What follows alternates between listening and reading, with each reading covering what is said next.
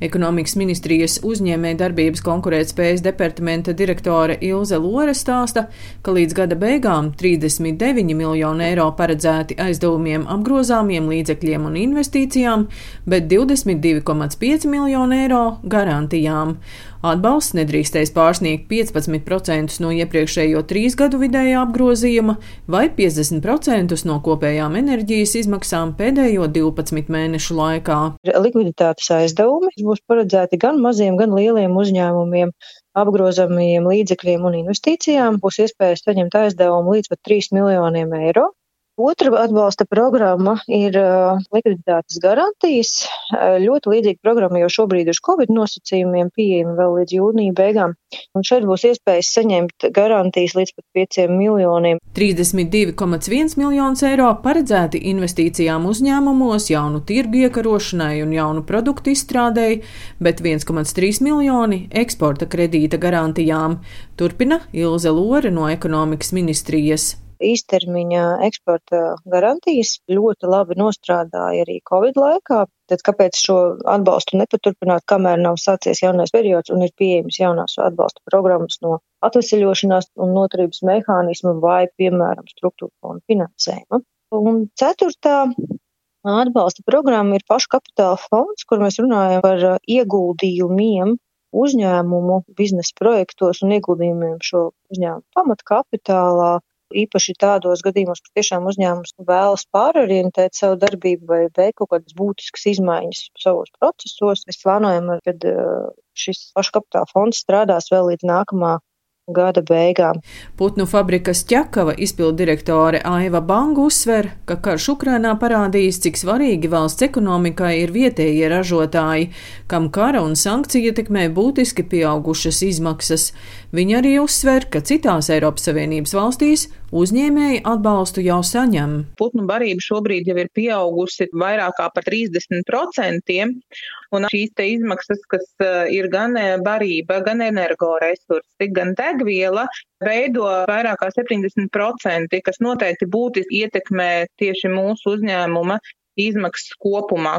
Mēs lūkojamies uz daudzām mūsu kaimiņu valstīm, tajā skaitā arī uz Poliju, kas ir lielākais eh, putnugaļas ražotājs, arī eksportētājs. Šie te uh, atbalsti jau ir piešķirti un uzņēmumi jau izmanto. Mēs vēl esam tikai procesā. Nu, šis process ir lēnāks, uh, augstāks un ilgstošāks, kas, protams, nekādā veidā nu, neveicina arī mūsu konkurētspēju. Putnu fabrika ķekava izmantos valsts atbalstu tāpat kā uzņēmums Olaina Farm, kas līdz šim 60% no uzņēmumā saražotajiem medikamentiem tirgojas Krievijā, Baltkrievijā un Ukrainā, stāsta Olaina Farm padomas priekšstādētājs Juris Bundulis. Nozarei, kas ir ļoti svarīga arī valstī kopumā kā drošības un valsts veselības garants, valsts atbalsts ir absolūti nepieciešams, jo farmācijā procesi ir pietiekoši ilgstoši, vajadzīga ļoti ātra pārorientācija pārēja uz jauniem tirgiem, jauni produkti nenoliedzami. Tāpat arī ir ļoti svarīgs tas, kas ir saistīts ar starptautiskās konkurētspējas veicināšanu. Šī gan programma ir vairāk maziem, cik var spriest no pieejamās informācijas un vidējiem uzņēmumiem.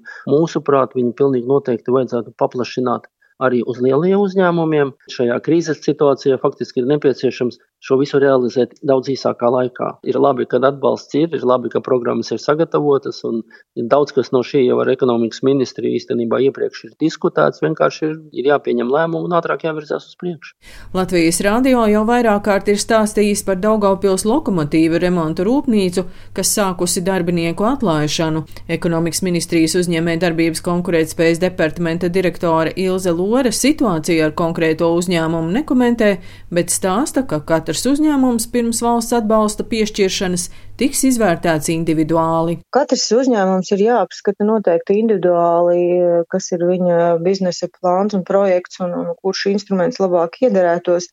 Bet tas, kas viennozīmīgi ir jāsaprot, ka Krievijas militārās agresijas pret Ukrainu piemēroto sankciju un pret eh, pasākumu izraisīto seku pārvarēšanas atbalsta likums, viņš jau sākotnēji definē, ka mēs nevarēsim sniegt atbalstu nevienā no institūcijām, ja šie uzņēmumi būs šajā nu, melnajā listē ar sankcionētajām personām. Ekonomikas ministrijas pārstāve prognozē, ka aizdevumu un garantiju programmā varēs atbalstīt ap 1500 projektus, investīciju jeb pašu kapitāla fonda programmā līdz desmit uzņēmumiem.